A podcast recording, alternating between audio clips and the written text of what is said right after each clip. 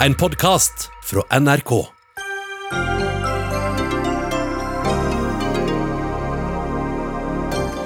Sykepleierforbundet og Legeforeningen fortsatt kritiske til regjeringas oppkjøp av nødrespiratorer. Dette utstyret er ikke egnet til å behandle pasienter med covid-19-sykdom, ei heller i nødsfall, sier de. Hjelper det med ingefær og tran hvis vi vil styrke immunforsvaret vårt mot koronasmitte?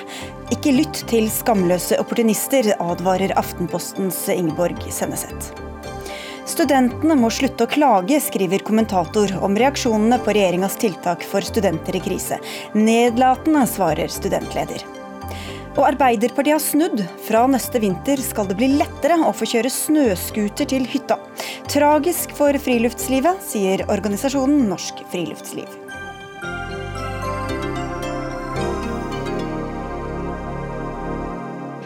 Dette er noen av sakene i dagens Dagsnytt 18. Jeg heter Sigrid Sol.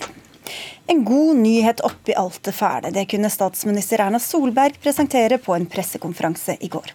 For regjeringa bestiller 1000 nødrespiratorer fra norske bedrifter som skal leveres i løpet av de neste to månedene, og det var bare i første rekke. Solbergs egne ord var at hun hadde en gledelig historie å fortelle, en historie om dugnadsånd og produksjoner som fant hverandre. Men nå får bestillinga kritikk fra flere hold. Dette er kunnskapsløshet forkledd som handlingskraft, sier du Lille Sverresdatter Larsen, du er leder i Norsk Sykepleierforbund. Hvorfor er ikke dette den gladnyheten det ble presentert som, mener dere? Jeg vil begynne med å si at jeg har eh, tillit til både statsminister og helseminister og vet at de arbeider iherdig med å sikre befolkninga det beste vern og utstyr. Og det å lete etter løsninger sammen med flinke folk, sånn som i Lærdal, er også riktige grep. Så min kritikk av den gladnyheten er ikke noe dramatikk, til tross for eh, store typer. Men det var en faglig reaksjon på det som ble presentert på, på pressekonferansen som en respirator, noe det ikke er. Det er ment som en nødløsning og ikke et fullgodt alternativ til respiratorer. Men det som ledende fagmiljø både blant sykepleiere og leger sier noe om, er at de kan ikke brukes eller i liten grad knytta til pasienter med covid-19. Vi går til deg også, Skulemo. Du er styremedlem i Norsk anestesiologisk forening, del av Den norske legeforening. Og du sa du ble overrasket da du hørte denne nyheten. Men som en representant for fagmiljøet, hva, hva visste du om dette på forhånd?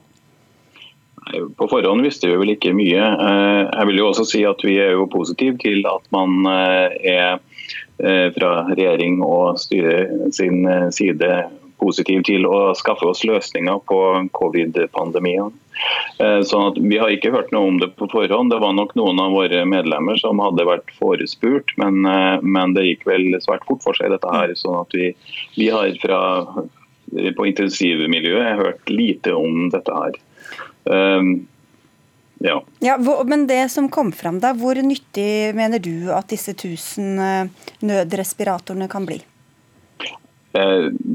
Det er jo ingen som vet nøyaktig hvordan dette vil eh, utspille seg, men, men, sånn som vi i dag eh, er satt opp og som vi eh, planlegger for, så, så ser jeg ikke at vi nå vil ha behov for denne typen ventilatorer. Nei, det tror vi ikke. Statsminister Erna Solberg kunne ikke komme, men du er her, helse- og omsorgsminister Bent Høie. En skikkelig gladnyhet her, altså, men hva skal de egentlig brukes til, disse respiratorene? Ja, Det er jo ingenting som vil glede meg mer enn hvis vi slipper å bruke de. Fordi dette er jo en nødrespirator, og det var vi òg veldig klar på, statsministeren veldig klar på i går, som, som, vil kunne bli brukt hvis vi kommer i en situasjon der den kapasiteten som vi har på vanlige respiratorer, er eh, nådd en grense, og vi har behov for å gi eh, pustehjelp til pasienter som selvfølgelig ikke trenger da, de mest avanserte respiratorene, men har behov for noe hjelp. Og Det var òg det som dette ble Eh, presentert eh, som. Og, det er jo sånn at eh, ting må skje ganske fort i disse dager. Men det er jo sånn at det har vært fagmiljø bl.a. på Universitetssykehuset i Stavanger som har vært med i dette. Så dette er ikke, dette er ikke en bestilling som er kommet fra regjeringen. Dette er en, en som har hatt en god idé. Det har blitt utvikla sammen med Forsvarets forskningsinstitutt og Lærdal, som er en anerkjent leverandør, og et fagmiljø på et av våre større universitetssykehus. Og når vi da ser at dette kan være en viktig løsning å ha Eh, I en nødsituasjon så kan vi ikke da vente til vi er i nødsituasjonen før vi bestiller dette. Da må vi faktisk si at dette må vi bestille, komme i gang med og ha i bakgrunnen. Norge kommer selvfølgelig ikke til å ha bruk for alle de tusen, og det sa vi òg veldig klart i, i går. Men å ha noen av disse òg i norske sykehus i en situasjon som vi håper vi ikke kommer til, det tror vi er riktig. Men til hvem? Hvem er det som skal bruke dem?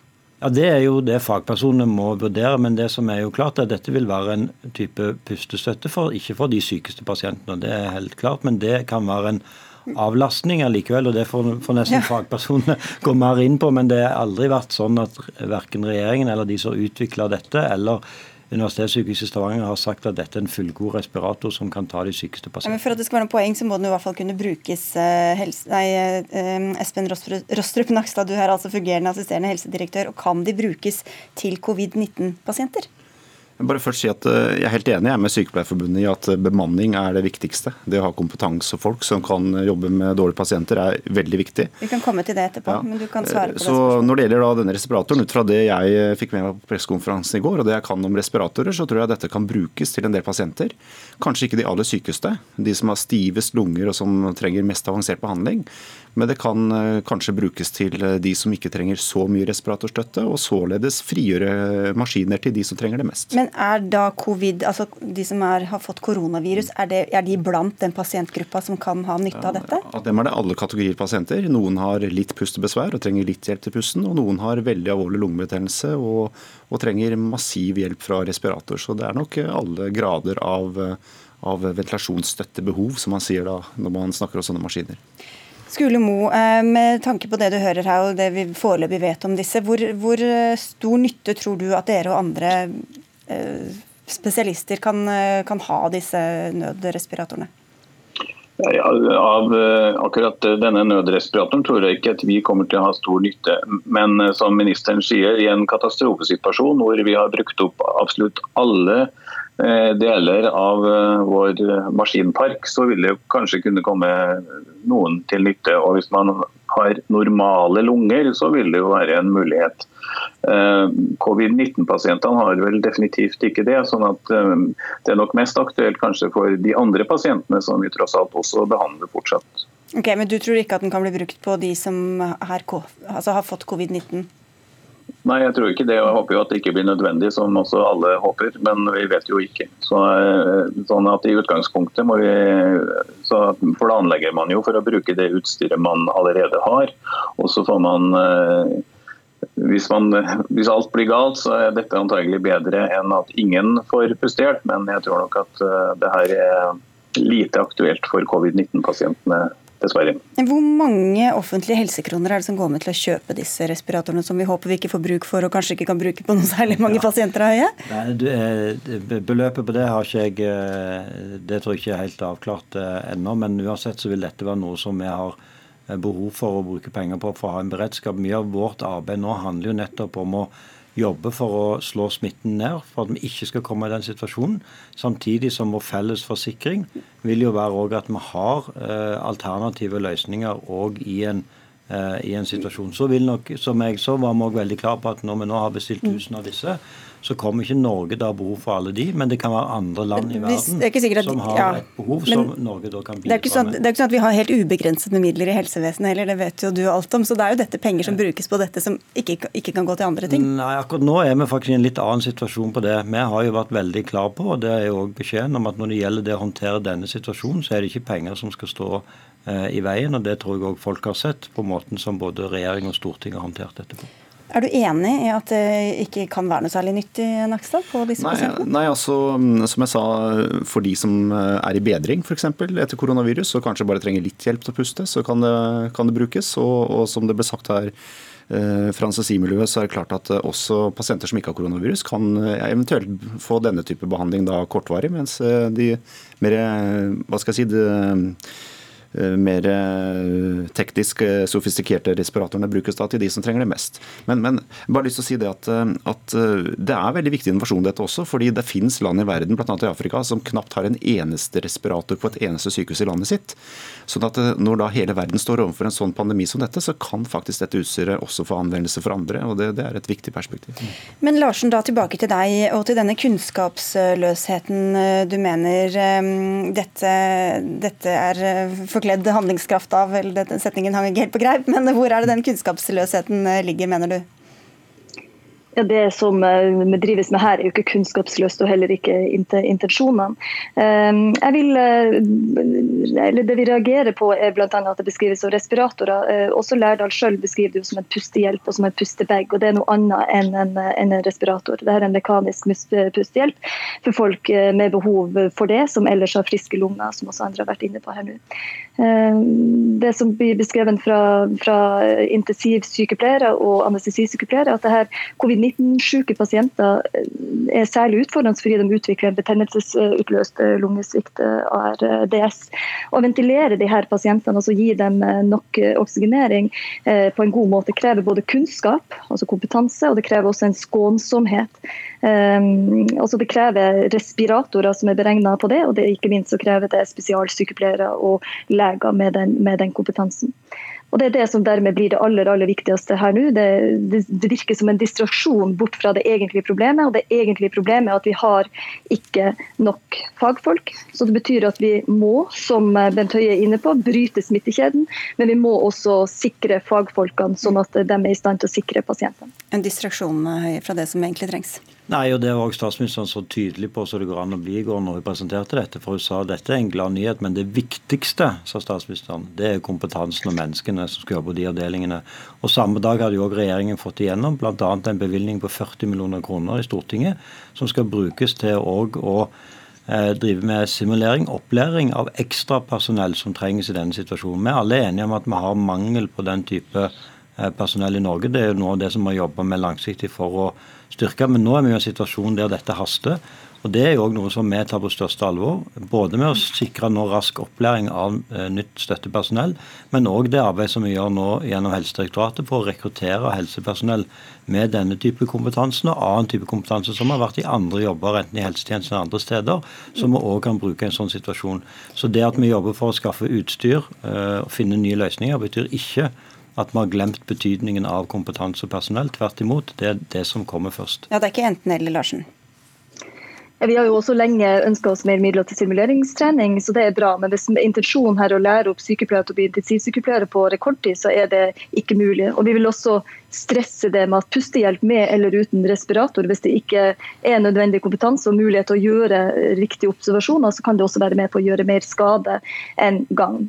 Når det er sagt, så er det jo ofte sånn at den gode løsninga er å finne blant flere andre som ikke er fullt så gode. Og da tenker jeg det viktige her at det ikke går en prestisje i verken dårlige løsninger eller forhasta kritikk, og at vi drar i lag på det som blir gode, gode løsninger.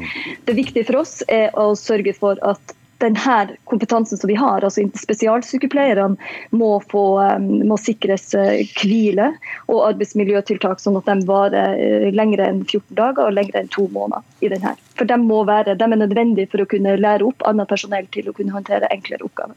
Men uh, Nakstad, når dette er altså en såpass stor nyhet at i hvert fall Erna Solberg tok turen til pressekonferansen bare for å, for å komme med den, hva sier det om behovet for respiratorer, og hvor mange vi faktisk har av de som egentlig fungerer som vi faktisk trenger, da, som alle er enige om? Nei, det er gjort et stort arbeid i sykehusene nå, både for å oppgradere eldre maskiner eh, og, og gå over hele utstyrsparken. Og det er jo et, eh, jeg lurer på om det er 400 avanserte respiratorer i bestilling nå, som vil leveres i løpet av få måneder. Tre-fire måneder, eh, ut fra det jeg vet. Så det her gjøres det veldig mye Hvor mange ting. har vi i dag, da? Nei, eh, jeg kjenner ikke det detaljerte tallet, men, men, eh, men, eh, det er et mål om å få kapasitet opp nå mot 1000 med, med altså profesjonelle, gode respiratorer. Og så er det da disse nødrespiratorene. Da blir det et supplement som, som det er ment kanskje kan ta en toppen av en pandemibølge hvis vi skulle komme i en sånn situasjon, hvor vi i løpet av kanskje en uke har fryktelig mange pasienter som trenger pustehjelp, så er det bedre å ha en nødrespirator enn å ikke ha noen ting. Mm. Så så det er tanken, rett og slett en forberedelse for en worst case-situasjon, som vi også må tenke på. Og plutselig står du der, Skulemo, er glad for den eh, nødrespiratoren du har fått allikevel? Eh, ja, kanskje. Vi håper jo at vi ikke kommer dit, og eh, helst ikke dog. Dere, vi, ja, krysser fingrene. Takk skal dere ha. En enighet på slutten her til eh, omsorg, helse- og omsorgsminister Bent Høie. Lill Sverresdatter Larsen, leder i Norsk Sykepleierforbund, og Skule Mo, som altså er eh, styremedlem i Norsk anestesiologisk forening. Og du blir eh, sittende, Espen Nakstad. Dagsnytt 18 alle hverdager klokka 18.00 på NRK P2 og NRK2. Men vi fortsetter litt i samme gate. Hvor mye smittevernutstyr har vi egentlig i Norge? Så det vil ikke norske myndigheter fortelle offentligheten. Og dette hemmeligholdet reagerer du på, Arne Fliflet. Du er advokat, og mange kjenner deg som tidligere sivilombudsmann gjennom mange år. Og Hva er det som er så kritisk med at de ikke går ut med tallene her? Det er eh, at eh, man ikke eh, gir offentligheten innsyn i disse tallene. Jeg mener at eh, det er viktig å vise åpenhet og gi innsyn og informere offentligheten om eh, det som det er snakk om her, nemlig dette smittevernutstyret. Og jeg kan ikke se at det er noen gode grunner for at man skulle holde tilbake disse opplysningene. Espen Rostrup Nakstad, fortsatt fungerende assisterende helsedirektør. Det er mange som er opptatt av dette smittevernutstyret. Mange er redde for at vi har for lite. Hvorfor går dere ikke ut og forteller hvor mye vi faktisk har? Tror, først tror jeg at jeg gjerne vil beklage på vegne av Helsedirektoratet de uheldige uttalelsene som kom at dette var for at ikke folk skulle bli bekymret, f.eks. Eh, som kom ut for, eh, for en stund siden. Eh, jeg tror, eh, jeg tror, årsakene til at dette ikke på en måte har blitt kommunisert veldig tydelig nøyaktig hvor mye utstyr vi har, den er egentlig tredelt. Det ene er at For et par uker siden så var vi i en kritisk situasjon hvor vi ikke visste hvor mange dager fram i tid vi ville ha utstyr. og Derfor så var det veldig viktig å sikre seg at man ikke gikk ut med tall før man visste at utstyret var i Norge. Så det var veldig viktig. Eh, og så er det sånn at Dette er jo vanskelige prosesser med kontraktsinngåelser i et marked hvor det er stor etterspørsel, men et begrenset tilbud. Eh, og det er også veldig vanskelig å ha oversikten over behovet ute i kommunene, som meldes da via fylkesmennene til Helse Sør-Øst, og, og, det som meldes fra foretakene. Sånn at det er, det er, hele tiden variasjoner i behov og forbruk, og samtidig variasjoner i det som leveres inn. Og da er det litt vanskelig å nøyaktig i hvert fall angi dette her eh, fra dag til dag. Det er så sjelden med beklagelser her, så jeg vet ikke helt hvordan jeg skal følge det opp. Men jeg kan jo bare sitere den, det sitatet som du viste til. Altså at tallene vil skape frykt, usikkerhet og som du sier, svekke Norges eh, posisjon. Så det stemmer ikke, det? da? Hvorfor, kom, hvorfor, ble det gitt som begrunnelse da? Nei, altså, Jeg bare beklager det som ble sagt den gangen, med, med tanke på frykt og at man ikke skal skremme folk og, og den type argumenter. Eh, det, forklaringen er nok Hvis det ble sagt fra høyeste hold, så må det jo ha ligget noe bak det? Ja, Det var en usikker situasjon eh, hvor man eh, ikke visste Alle parametere var egentlig usikre den gangen. Mm. Det var veldig annerledes for to uker siden enn det er i dag. Sånn at eh, Det er nok en del av forklaringen, men, men det er en uttalelse som vi beklager i dag. Ok, men Hemmeligholdet består jo, men med en annen begrunnelse, nemlig den med konkurransesituasjonen? Nei, Det er ikke noe bevisst policy nå på å hemmeligholde ting. Det er mer det at det er litt vanskelig å følge med fra time til time nøyaktig hvor mye vi har. Men, men, det som er viktig å si, er at vi har nok nå for de neste dagene og litt inn i, i framtiden. Men det jobbes veldig hardt fra Helse Sør-Øst både med å skaffe mer utstyr, fordele det utstyret på en god måte og sørge for at, at man ikke går tom. Og jeg okay. kan jo legge til at Det er en fordelingsnøkkel på dette nå også. hvor det er sånn at Av alt utstyr som kommer inn, så får eh, kommunene 20 eh, Sykehusene får 70% og så har man 10% som man da distribuerer etter behov. sånn at alle skal vite at de får nok og vi kommuniserer hvis det blir problemer med leveranser. Ok, Fliflet, her fikk du um, begrunnelsen. Det var ikke lenger frykten, det var uoversiktlig og konkurransesituasjon. Ja, Det er jo veldig uheldig da, at man går ut med en begrunnelse som, man, som ikke holder.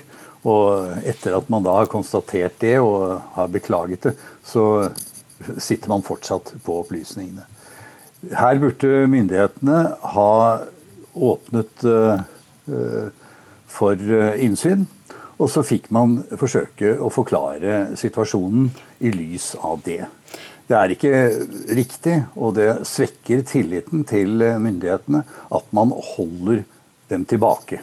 Det er mye bedre å gi ut opplysningene. Og hvis man mener at de skal korrigeres, og at det er andre forhold som er av betydning, så går man ut med det. Og det er ganske viktig for tilliten til forvaltningen. Og regjeringen og, og, forvaltningen har jo ellers under denne krisen vært meget åpne og meget informative. Og Derfor blir dette nei som man kommer med her, eh, kommer i skarp kontrast til det øvrige.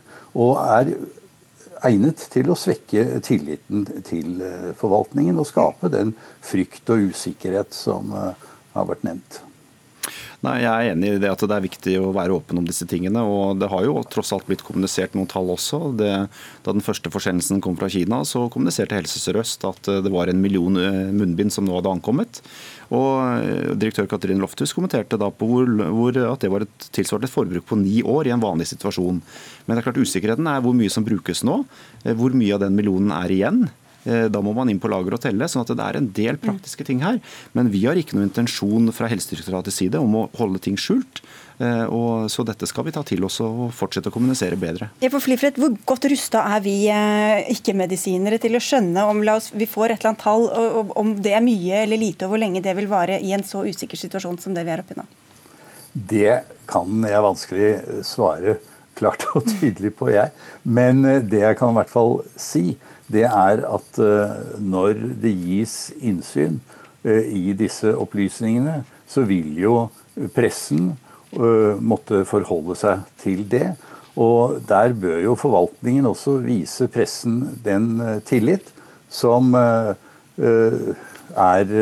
fornuftig og riktig i dette tilfellet. Kongen nevnte jo betydningen av tillit i, i denne situasjonen. Og, og, den tilliten er veldig viktig, og det er jo et gjensidig spørsmål. Ja, for Når du ikke sier noe, så er det veldig lett å tenke at det heller er for lite utstyr enn for mye utstyr, Nakstad? Ja da, nei, jeg skjønner det veldig godt, ja, og tillit er viktig. Og, og, og, vi kan bare beklage, og vi skal skjerpe oss og, kommunisere dette så tydelig som vi kan. Dog med en usikkerhet over at det er litt vanskelig å rapportere nøyaktige tall, men vi skal gjøre det beste vi kan. Og så sa du et par dager framover. Det hørtes heller ikke så beroligende ut.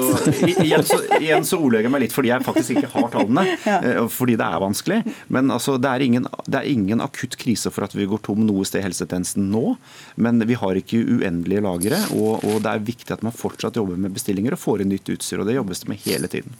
Her ligger det også ja, Flyflett, ti sekunder på slutten. Ja.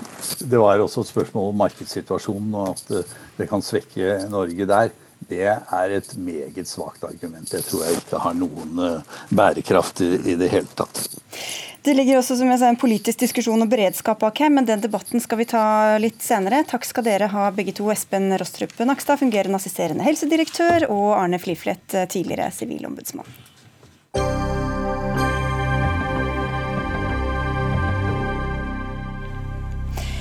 Driver norske studenter og sutrer over koronatiltak som de burde vært fornøyd med? Det skal vi diskutere snart her i Dagsnytt 18, men først til noe helt annet. Det er mange som er redde for å bli smittet og smitte videre koronaviruset i disse dager, men hjelper det å forsøke å forbedre sitt eget immunsystem? Vitaminer, detox og kosthold tillegges egenskaper de ikke har, skriver du i Aftenposten, hvor du er journalist, Ingeborg Senneset, og advarer samtidig mot skamløse opportunister. Hva er fellestrekket mellom disse som du velger å kalle dette? Eh, fellestrekket blant dem som både selger helsekost, eller som driver på med healing eller supermat eller homopati eller nesten også religion, er at du da skal styrke immunsystemet ditt. Der er det to sånn ordentlige bommerter der. Det første er det at et sterkt immunforsvar er ikke nødvendigvis utelukkende bra. Et sterkt eh, immunforsvar kan jo faktisk i hvert fall drepe deg. Eh, du trenger et klokt et, og ikke et nødvendigvis et sterkt et. Og det andre er det at kosthold og bønn og sånne ting det kan ikke endre det immunsystemet ditt. Eh, det er det helt andre ting som gjør, eh, som fagpersoner må gå inn i. Eh, og jeg syns det er usmakelig og trist at noen bruker en situasjon hvor folk er redd, og hvor folk er ut etter å hjelpe hverandre og gjerne vil gjøre det aller beste de kan, til å selge sine enten produkter eller ideologi. Mm. Det syns jeg er trist. Det første poenget skal vi komme tilbake til med en fagperson eh, om en liten stund. Men for å ta tak i dette siste, Julia Schreiner Benito, du er redaktør i Kaluna, et uavhengig nettmagasin som skriver mye om det dere kaller livsstil for helse. Og du har svart på Sennesets kommentar i Medier24. Hvor mener du hun tar feil? Jeg reagerer veldig sterkt på at hun plasserer kost i samme kategori som fjernhealing f.eks. Jeg reagerer veldig sterkt på at hun plasserer eh, sleipe koronaprofitører i samme boks som leger som eh, Fedon Lindberg og mm, Berit Nordstrand. Eh, Fedon Lindberg han har ikke ikke bare det medisinskapet som en typisk fastlege har. Han har noe i tillegg. Og jeg mener det er all grunn til at både vi og Senneset og Aftenposten skal lytte til ham. For det han har i sitt medisinskap, i tillegg til eh, den eh, bakgrunnen han har som vanlig skolemedisiner, så har han en fantastisk kompetanse om sammenheng mellom ernæring og helse. Og når han skriver en lang artikkel om dette, som jeg tror er utgangspunktet for at Senneset gikk til angrep, så er ikke, altså Han er ikke ute på synseren. Han skriver om ulike tiltak vi kan gjøre for å styrke immunforsvaret vårt. Det er masse håp og det er masse ansvar i å utføre sånne tiltak for vår egen del. Og så har han da en liste, nå sitter jeg med, med noen sider, åtte sider med referanser til den forskningen som denne artikkelen bunner i. Og Hvis eh, Senneset hadde vært opptatt av kunnskap. Hvis hun hadde vært faktaorientert og faktanysgjerrig, så kunne hun tatt en telefon til Fedon og sagt hei du Fedon, jeg ser det er mye her vi kan gjøre for å styrke immunforsvaret vårt. Fortell mer. Men det virker som om hun har bestemt seg, og jeg syns hun opererer mer som en aktivist enn en journalist. Ja, Sensett, Er det så alternativt å si at å spise sunt og med gode råvarer er bra for helsa og dermed bra for eh, immunforsvaret også? Eh, det er jo bra å ta vare på helsa si. Eh, det er ingen som krangler på det. altså. Um, jeg vil ellers si at jeg syns eh, det innlegget i Medie24 i dag som kolumnaredaktøren kolumna-redaktøren har skrevet, peker på noe som er veldig veldig bra. og Det var at vi fikk ordentlig tatt tak i at det var en del reklame i Aftenposten som sier litt av det samme. Det er skikkelig pinlig, og det er noe jeg har kritisert i min egen avis sjøl òg. Uh, enda verre var det jo da jeg scrolla min egen kommentar og det kom opp reklame for C-vitamin. Men mm. det er en annen sak. Det var bra det vi men, men, men, ja, men er, det, er det realt å ta fjernhealing og kostholdsråd i, i samme smæle? Det jeg har lyst til å spørre om, da, er at nå har det blitt ja, hva er det, over 4500 som er syke av koronavirus i Norge. Hva er det de skulle ha spist? Hva mener redaktøren eller Fedon eller andre at de skulle ha spist som var feil? Eh, det er 50 leger i Italia som har omkommet eh, som følge av viruset. Har de ingen peiling på kosthold, eller bare ignorerer de eh, de her som har en eller annen innsikt som de ikke har? Bevisbyrden ligger ikke hos meg. Bevisbyrden ligger hos dem som påstår at man kan endre et immunsystem og hindre eller ikke bli like syk av virus. Hvor hen er de bevisene? Ok, Da skal Benito få svare på det. Eh, Senneset, bevisbyrden ligger kanskje ikke hos deg, men det som ligger hos deg, det er ansvaret for å søke kunnskap. Altså Det at du ikke leser denne vitenskapen, det betyr ikke at ikke den finnes. Og på tema immunforsvar og vitaminer, da, hvis vi skal holde oss til det, for jeg, jeg kan ikke liste opp alt man burde spise, ikke er ernæringsekspert. og ikke er jeg lege, jeg er eh, journalist og redaktør.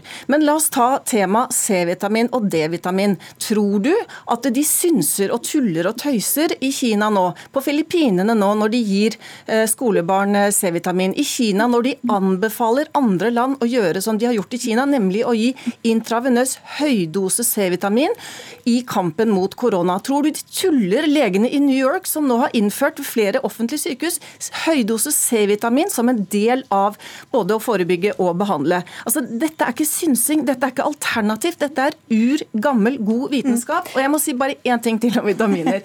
For 20 år siden, bare som et eksempel på at verden går videre Jeg syns ikke Aftenposten går videre, men verden går videre. Okay. For 20 år siden så trodde vi at det, den kosten vi spiste i Norge, det var nok til å dekke vitamin D-behovet vårt. I dag, 20 år senere, så vet vi at ettersom det er såpass mye mørke dager her, så er det ikke nok. Ergo anbefaler vi D-vitamintilskudd. Altså, dette er ikke synsing, dette er ikke alternativt. Dette er sunn fornuft og vitenskap, og det er trist at ikke Aftenpostens lesere får lov til å lære litt mer om dette. Mm, Sensett.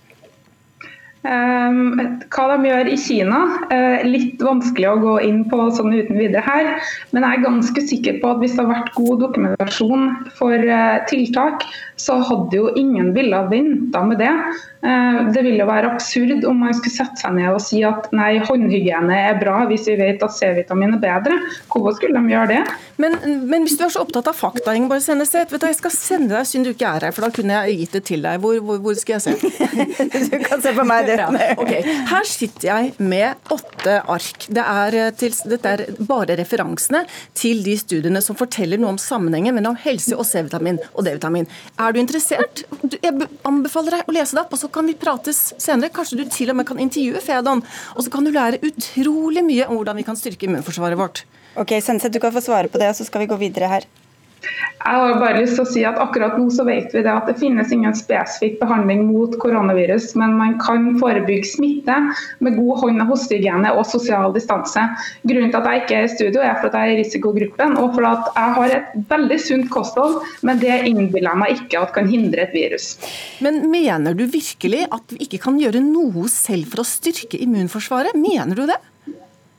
Det er ikke det riktige spørsmålet. Å nei, ok. Det spørsmålet er skal man styrke det uhemma? Nei. Nei, ok, det hvis- er også kan man gjøre det. Jeg har ikke sagt at man skal styrke det uhemma. Jeg lar det gå videre til deg, Janne Spurkland. Du er professor i molekylær immunologi. Er det mulig å styrke immunforsvaret eller bedre det ved å spise ulike ting? Nei. Det vil jeg si at uh, overalt så kan vi ikke ta piller eller noe som helst som man kan kjøpe uh, i helsekostbutikken som vil styrke immunforsvaret. og Det er heller ikke ønskelig å styrke immunforsvaret. Det er ønskelig å ha et balansert og klokt immunforsvar, sånn som Ingeborg Senneset sa. Uh, et, immunforsvar er ikke så enkelt som at vi kan peke på én ting, og det skal styrkes, i forhold til noe annet. Det er et lappverk av forskjellige mekanismer som er flettet inn i hverandre. og I noen situasjoner så er det én aspekt av dette som er viktig, i andre situasjoner er en annen. Den eneste måten man kan styrke immunforsvaret på, hvis man skal bruke det ordet, det er å ta vaksine mot infeksjoner som vi har vaksine mot. I tilfelle covid-19 så mangler vaksinen, og da er det ingen piller vi kan kjøpe som vil hjelpe oss i denne situasjonen. Men det var det jo også snakk om å spise altså rett og slett spise sunn mat, da, ikke bare ta piller. Ja, det er jeg enig i. At et norsk balansert kosthold er bra for immunforsvaret. Spise litt av det? alt og man, kan, man kan påvirke sin generelle helse, selvfølgelig kan man det. Men men, Men det er ikke mulig å Nå kommer Trump inn her, men det det er ikke mulig å Inn til deg? Eh, Det er ikke mulig å uh, Men, men, men ja, jeg, jeg skal stille et spørsmål. Fordi du sier det er mulig å liksom, Man kan sove, slutte å røyke, gå turer eller trene og spise sunt. Slanke Og, seg. ja, og Da får man god helse. Men hva er, hva er sammenhengen mellom god helse og godt immunforsvar, da? Ja, Det er jo i og for seg det samme. så Når noen snakker om god helse, så snakker de samtidig om et, et bra immunforsvar. Ja, men da er vi det- uenige, da. og, og, og, Nå må du la henne få snakke. Jeg er, jeg er ikke enig i at man kan kjøpe det. ting. Man kan, nei, og Det refereres til artikler som Fredrum har skrevet. Hallo? Ja, ja, vi hører deg. Ja, som, som, da, skal, eh, som er vitenskapelig dokumentert. Jeg har lest eh, det som Fredron har skrevet i går, faktisk, pga. at dette nå liksom seiler opp. og Han blander sammen til dels vitenskapelig tung dokumentasjon, med fullstendig løsrevne påstander som ikke er dokumentert i den vitenskapelige litteraturen. Det er en blanding av science og og, og myter. og Det er en skummel vei å gå, for da bruker man kredibiliteten til forskeren samtidig som man snakker om ting som har veldig dårlig vitenskapelig fundament. Og, og Der støtter jeg Ingeborg i å sette spørsmålstegn ved den måten å operere på i en situasjon hvor vi vet ingenting om den sykdommen vi står foran. Vi, når, når, når pasienter nå får høydose vitamin C i New York, er det ikke fordi det virker, men fordi man ønsker å undersøke om det virker. Man ønsker rett og slett å få svar på om det er noe vits i å prøve det. Men hvorfor anbefaler norske myndigheter tilskudd av D-vitamin i vintermånedene, da? Ja, men Det er jo fordi som du sier, at vi bor i nord nordområdene, og her er vi generelt lave på vitamin D. Og, Ja, nettopp. eh, og- Så, er vitaminer har greit. innvirkning på helsa. Og immunforsvaret vårt. Ja, Spurkland. Du kan ikke ta vitamin D som eksempel på at absolutt alle påstander om vitaminer er bra for immunforsvaret. Det er ikke så enkelt. Hvis man tar kosttilskudd regelmessig, kommer man dårligere ut i epidemiologiske studier. Mm, Ok, Så hvis man ikke vil få virus, enten det heter korona eller noe annet, og heller holde seg frisk, hva skal man gjøre? Man skal vaske hendene sine, holde seg vekk fra andre, følge rådene som nå gis av eh, Folkehelseinstituttet. Og så skal man prøve å slappe av og ha det hyggelig med, med sine nærmeste. Takk skal dere ha, alle tre. Anne Spurkland, professor i immunologi, til Julia Skreiner Benito fra Kaluna, og til Ingeborg Senneset i Aftenposten.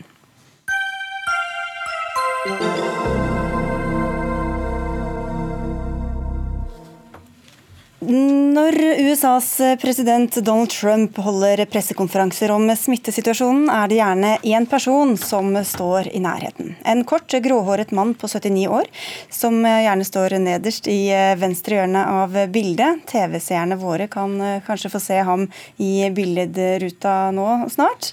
Og han er ingen hvem som helst. Men Tove Bjørgaas, tidligere USA-korrespondent, hvem er han egentlig? Han heter Anthony Fauci, eller Dr. Fauci kaller de ham i USA. Og nå er det liksom Hvor er Dr. Fauci, som mange amerikanere spør om? Fordi han har siden 1984 ledet eh, det amerikanske smitteverninstituttet, som er det helseorganet som, som er i sentrum eh, ved slike helsekriser som vi opplever nå. Og dette her er selvfølgelig den aller største krisen av dem alle. Og hvor er Dr. Fauci? Hva er det som har fått folk til å, til å spørre om det? Hva er det han har gjort tidligere som har gitt ham den autoriteten? Han har vært svært viktig i alle de store helsekrisene som har vært i verden siden eh, han tiltrådte denne jobben, og også før det. Det begynte med, med aids-krisa på 80-tallet. Da klarte han å overbevise president Reagan om at dette var en sak som Reagan ble nødt til å ta tak i det var jo en skandale. Det var jo på en måte tabu, det som skjedde med da, da hiv-smitten dukket opp. og Det var ofte det var mange homofile som døde, og det var helt, helt, en helt annen holdning til homofile på den tiden. Eh, og Da var det Fauci som til slutt klarte å overbevise Reagan om at dette var en sak han måtte ta tak i. Eh, så fortsatte han og fikk eh, gjort veldig mye med, med eh, hiv- og aids-medisiner, bl.a. i Afrika, mens George Oliver Bush var, var, president. Selv husker jeg han godt fra ebola-krisa i 2014, var det vel, eh, som jo var viktigst i, eh, i Liberia, men hvor han eh, ledet på en måte det internasjonale arbeidet der, alltid med en veldig sånn ro. Eh, og, og, en veldig sånn autoritet på å, å, snakke rett til folk om nøyaktig hva det er som skjer, hva man vet og hva man ikke vet. Men så er det jo sånn med Donald Trump at han uh, lytter jo ikke alltid til sine egne fagfolk heller. Hva vet vi om hva slags påvirkningskraft han har på presidenten i dag? Det har jo vært en prosess, dette her. Jeg har vært i USA uh, den siste halvannen måneden. Jeg har akkurat kommet ut av karantene her i Norge nå etter at jeg kom hjem. Og det var utrolig spesielt å følge starten på uh, denne koronakrisa i USA. Fordi president Trump han benektet jo at dette var et problem veldig lenge, som du sikkert husker, eller som lytterne og seerne husker. Han sa at dette var, det var demokratene som hadde kokt opp dette. her. Han beskyldte til og med dr. Fauci, Anthony Fauci for å ha stått i ledtog med demokratene for å hause opp denne krisen. Men så, etter hvert som alvoret sank inn, så har også, også Trump begynt å lytte til Fauci. I begynnelsen på disse pressekonferansene eh, som nå har blitt daglige om krisa, så, så var det først Trump som sa noe som Eh, var noe helt annet enn det som da denne gruppen som jobber eh, med pandemien i Det hvite hus eh, sa. Men nå er det altså mer samsvar mellom det Fauci og Trump sier. Selv om mange venter på en måte hver dag på at Anthony Fauci skal komme opp og fortelle hva som er de siste tallene, og hva folk bør tenke nå. Han har en veldig myndig og rolig stemme, men han har alltid vært veldig ærlig og sagt hvor mange f.eks. som kan komme til å dø, eh, og hva amerikanerne kan vente seg i ukene fremover. Hvordan har han forholdt seg til Trump da, og det Trump har sagt? Ja, Det har jo eh, også utviklet seg i løpet av denne perioden. Eh, han har hele tiden vært ærlig. Jo, man, man, er jo forsiktig med direkte kritikk av presidenten eh, for, på talerstolen. Men han har, jo, eh, han har jo sagt helt motsatte ting av presidenten på noen av disse pressekonferansene. Og det er også ett klipp eh, som har gått viralt, hvor vi ser Anthony Fauci ta seg til ansiktet og sukke mens president Trump snakker. Men de siste, de siste ti dagene, og ikke minst i går, da Donald Trump og Fauci begge sa at mellom 100 og 240 000 amerikanere trolig kommer til å omkomme i denne epidemien, eh, så, så, så, er de to på, på, på, samme linje. Og det er jo i stor grad Anthony Fauci også, og hans eh, urokkelige eh, opptatthet av at sannheten må fram her, som har fått Trump til å snu. Apropos pressekonferanser, det har nettopp vært en annen pressekonferanse om New York, og hva ble sagt der? Der ble det sagt at det nå er 1941 mennesker i delstaten New York som er omkommet av dette viruset. Det er 400, drøyt nesten 440 flere enn i går. Så 440 altså det siste døgnet. 85 000 mennesker er nå smittet i New York. Og man venter altså fortsatt at dette tallet vil komme til å fortsette å stige de neste 14 14 dagene. Om 12 dager er det vel guvernør eh, Andrew Cuomo har ment at toppen vil komme i delstaten New York.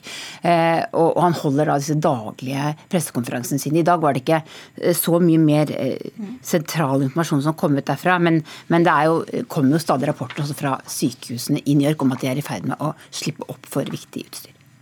Takk skal du ha, Tove Bjørgask, for at du kom innom Dagsnytt 18. Hør Dagsnytt 18 når du vil. Radio NRK Radio.nrk.no.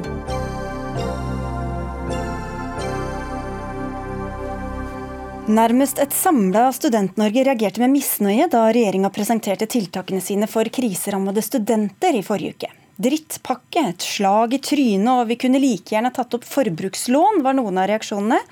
Men i en eh, kommentar i Bergens Tidende, hvor du er kommentator, ber du Jens Kiel studentene om å slutte å klage. Og hvorfor har de ikke grunn til å klage, mener du?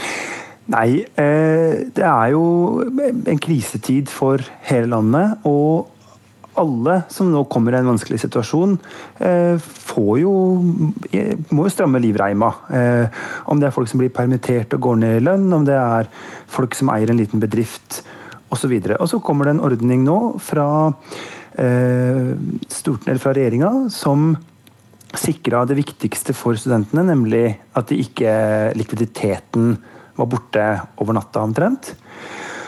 Og den eh, blei jo da eh, hardt eh, kritisert. Og så mener jeg at den er god nok. Altså Den er ikke fantastisk, men den er god nok for mange helt vanlige studenter. Og så er det en del andre grupper som ikke den er god nok for. F.eks. studenter med, med barn osv. Det er viktig. men den er i utgangspunktet bra nok. Og da mm. tenker jeg at de må være med på den dugnaden, sånn som alle andre. God nok for de fleste, Anette Arneberg. Du er leder for Velferdstinget Vest, som er samarbeidsorganisasjonene til alle studentdemokratiene som er tilknyttet Studentsamskipnaden på Vestlandet. Og du sier at Kiel fortsetter å gjøre sport i hersketeknikker. Hva er hersketeknikkene hans her? Hersketeknikken hans er at han sier at studentene klager, eh, og han antyder at det er utelukkende 21 år gamle studenter som går på NHH, som har problemer med likviditet akkurat nå. Jeg syns at BT og generelt eh, medier har en tendens til å karakterisere studenter som klagete. Det syns jeg er helt unødvendig. Det er en hersketeknikk. Vi karakteriserer ikke andre grupper i samfunnet på den måten når de ytrer seg. Eh, og Det syns jeg at man skal holde seg for god for. Men er det grunnen til å komme med sånne uttrykk som det jeg eh, innledet med? Altså drittpakke, et slag i trynet osv. Er det grunnlag for det? Jeg mener at eh, Student-Norge ble jo tatt, eh, tatt, på senga, rett og slett. Eh, man får forespeilet at man skal få en krisepakke, og får et lån. Det er ikke en krisepakke. Og Da mener jeg at man må forstå at det kommer sterke reaksjoner. For mange studenter så er dette en urolig tid, som det er for mange nordmenn. Men det gjelder også studentene, og det gjør at man reagerer sterkt. Vil du brukt sånne ord om andre grupper, Kiel? Eh, ja, hvis de klager, så tenker jeg at det er jo en grei oppsummering. Altså det, å, det å kalle noe for Jeg kunne like gjerne tatt et forbrukslån. altså at Hvis man mener det er det samme om at 2,5 rente eller 25% rente på lånet sitt, liksom, så oppleves det som, som klagete for meg. Mm. Uh, så hvis uh, Uh, altså jeg mener, jeg er kommentator, jeg lever av å irritere meg over folk som klager. Så det kan jeg godt men, gjøre. Men hva er det som Du kaller jo at studentene ikke ser sine egne privilegier og dermed gjør seg selv, eller studentpolitikerne gjør seg selv irrelevante på den måten. Men hva er det som er så veldig privilegert ved studentsituasjonen? Eh, altså, du er jo da i en situasjon, og nå snakker vi igjen da om en den, den vanlige studenten, hvis det går an å bruke det uttrykket, Eh, hvor du får gratis utdanning. Eh, du får en stor del av lånet gjort om til stipend når du har fullført graden din. Og du får en lang rekke andre goder, som f.eks. subsidiert eh, boligutbygging osv. Så eh, sånn at det er jo ikke en gruppe som vi ikke tilgodeser i det vanlige. Ikke sant? Og nå er det jo sånn at det finnes mange studenter som har skikkelig dårlig råd. F.eks. studenter som har flere unger. Eh, med regjeringas eh, forslag ville de få da mulighet til å ta opp et lån på 26 000 hvis jobben falt vekk. Nå har jo da eh, Stortinget gjort om sånn at ca. en tredjedel av det i stedet blir et stipend. Lagt på en milliard der. det forandrer ikke en krone på hva studenter får inn på konto. Men Andreas Trohjell, som er leder av studentparlamentet i Bergen, gikk da over natta fra å kalle det drittpakke til å være strålende fornøyd. Og da tenker jeg at eh, ja, Det er jo verdt å peke på. Men Hva er det Kiel ikke har forstått Arneberg, med hvordan dette slår ut? Jeg vil bare først kommentere at Den vanlige studenten som Kiel refererer til, eksisterer ikke. Altså En fjerdedel av studenter er 30 år eller eldre. 25% av norske studenter har barn. 25% av norske studenter har en funksjonsnedsettelse. Så jeg lurer veldig på hvem denne vanlige studenten er. Og jeg vil også bare påpeke at eh, folk som jobber fulltid og tar studiepoeng ved siden av, fortsatt ikke har rett på dagpenger. De har fortsatt kun rett på lån og stipend. Det synes jeg er veldig alvorlig at man ikke har gjort noe med. Så jeg er for så vidt helt enig med Kiel at det er grupper her vi har glemt. Eh, men det jeg mener, eh, altså hvorfor jeg mener at eh, de faktisk gjør en forskjell med stipend, er fordi at man får ikke mer penger over natta, men man får eh, man slipper å ha 26 000 kroner ekstra i rentebærende gjeld etter en studium. Det påvirker studenter i framtiden som skal ut på boligmarkedet når de får ekstra gjeld på den måten. Eh, og det vil gå hardest utover de som ikke får hjelp hjemmefra. Eh, statistikk viser at halvparten av studentene som kjøper bolig, får hjelp av studentene. Så dette vil i så fall gå mest utover de som ikke får hjelp.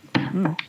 Nei, altså Denne pakka, da, eh, som eh, ikke hjelper studenter med barn, som ikke hjelper studenter med funksjonsnedsettelser, som ikke hjelper studenter som eh, da er godt voksne og har tatt en etterutdanning f.eks. og jobber 100% den er studentparlamentet i Bergen strålende fornøyd med.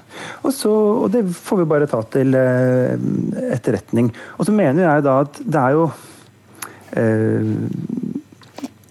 mange ting som vi bør gjøre for å hjelpe studenter i, i Norge. Men at dette handler jo ikke da om eh, inntektsbildet eller likviditeten til studentene. Fordi som sagt, summen er lik. Men det handler om da eh, hva de skal eh, betale eller ikke betale tilbake den dagen de er arbeidstakere. Og nå får de et lån på 17 000-19 000 istedenfor 26 000. Det betyr at lånebyrden er redusert med en 40-45 kroner i måneden omtrent. Okay. Uh, ja. Du skal få 20 sekunder på slutten, Arne Berg. Ja, så vidt meg bekjent så har jo studentparlamentet sagt at det er en god vei, ikke at de er strålende fornøyd. og Det stiller vi oss bak. Vi mener jo ikke at vi er i mål eh, når 35% blir omgjort til stipend, men vi mener at det sender et langt bedre signal enn at studenter som har blitt permittert pga. en krise som påvirker oss alle, skal måtte ta opp lån for eh, å eh, koste på denne inntekten. Anette Arneberg og Jens Kiel, takk skal dere ha. Nå skal vi snakke om noe helt annet enn korona her i Dagsnytt 18.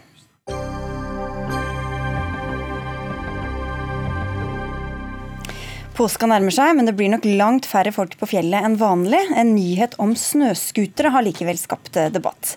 For i årevis har Senterpartiet foreslått å myke opp reglene for bruk av snøscooter til og fra hytter som ikke ligger langs en brøyta vei. Og nå, med Fremskrittspartiet ute av regjering, ligger det an til at de får forslaget igjennom.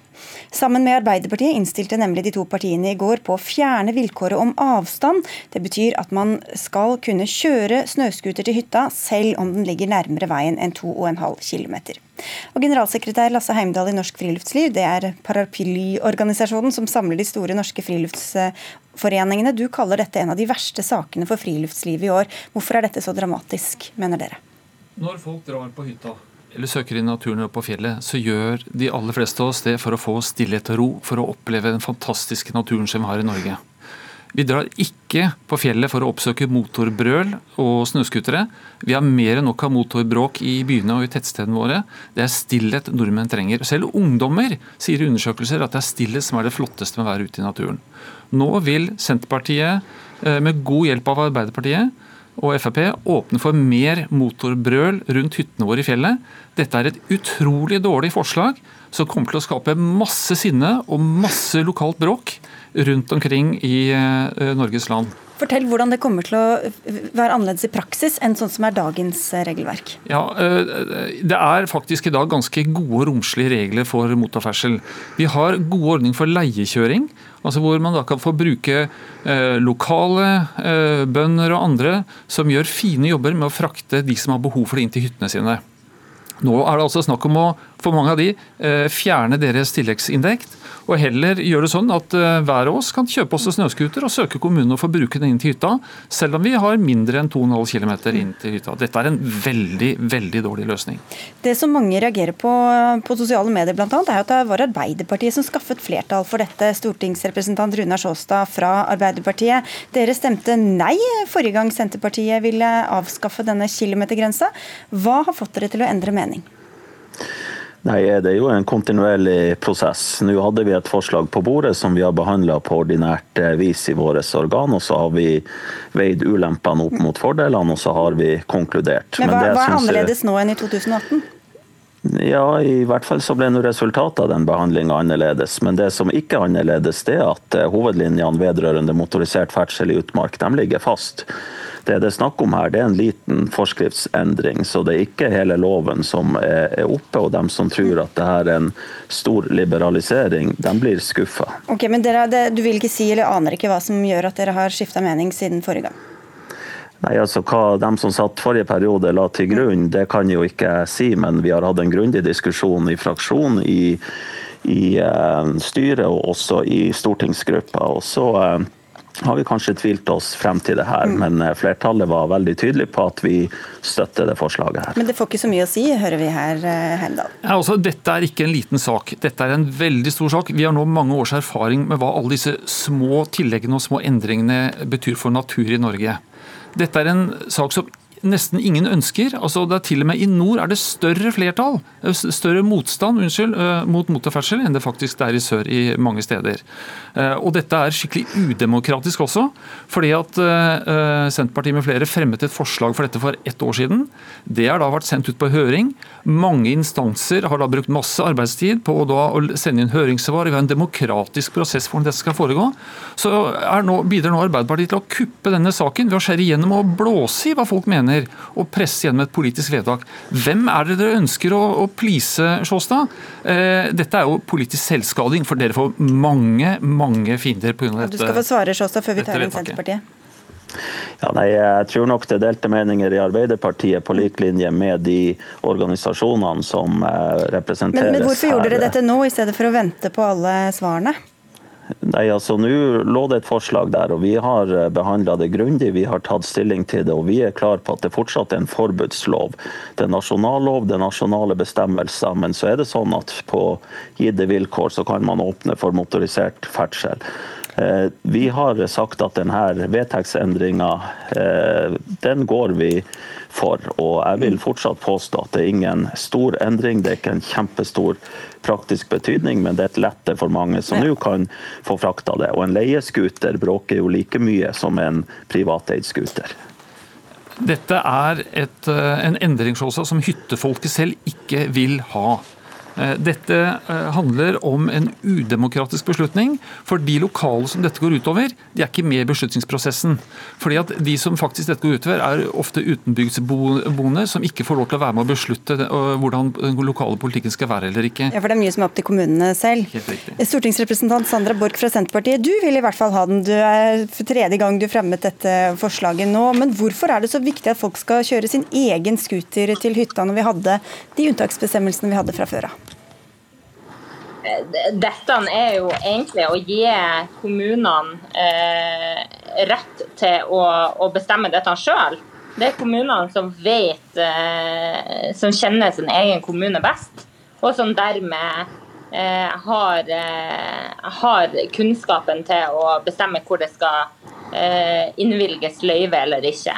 Og så merker jo jeg meg altså, eh, Når Turistforeninga sier at dette kommer til å bli et frislepp, det gjør det jo ikke. Dette handler jo om at eh, eldre ektepar, barnefamilier, skal komme seg eh, fram til hytta si eh, som et friluftsformål. Mm. Og, og men, men kunne ikke de leie, leie, sånn som de har kunnet fram til nå, da? Og bare få noen til å kjøre dem dit? Jo, men dette landet er ganske langt. Eh, dette landet er geografisk eh, eh, forskjellig. Eh, I Nord-Norge er det ikke mulighet til eh, leiekjøring, heller ikke i Trøndelag.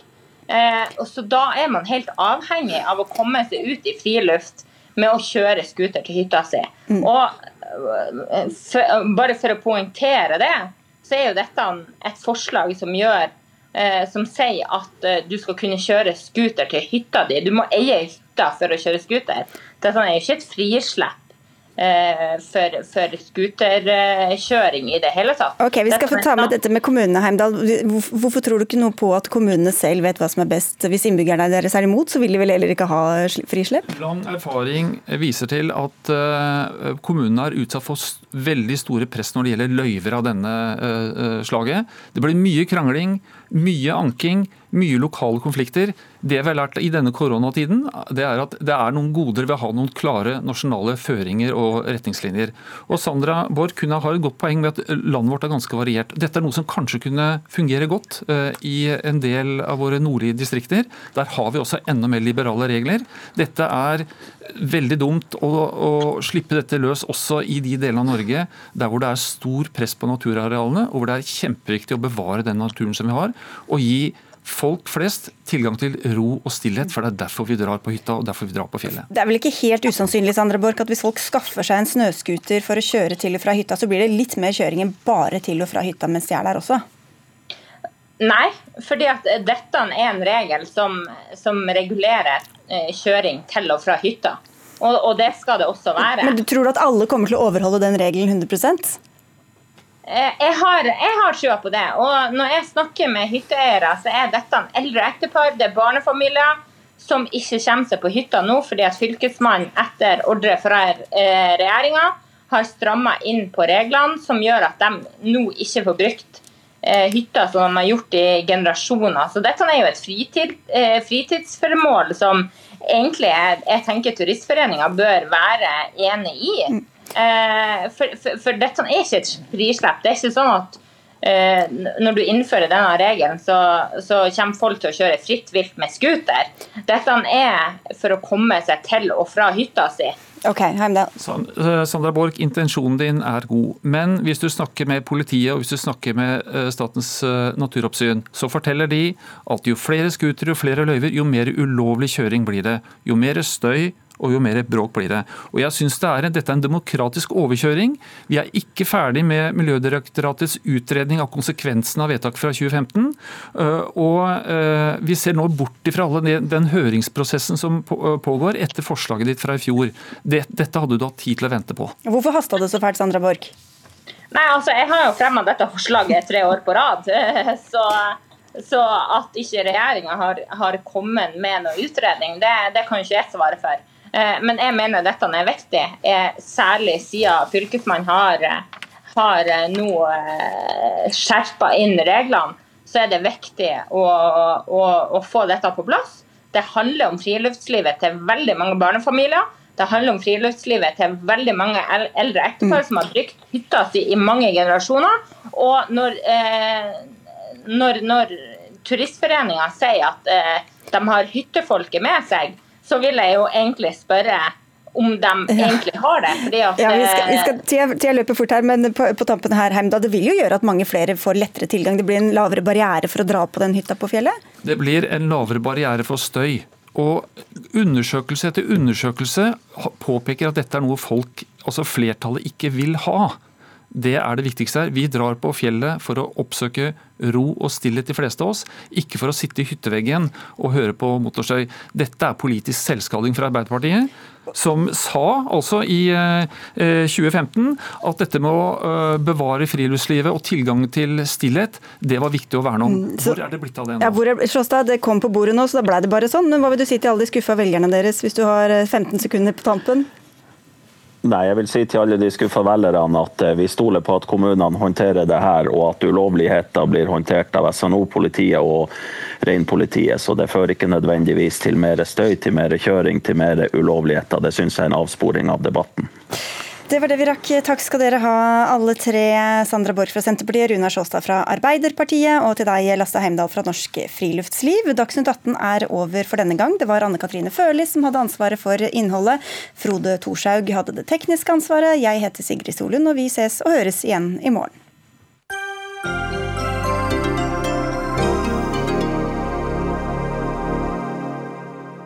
Du har hørt en podkast fra NRK. Hør flere podkaster og din favorittkanal i appen NRK Radio.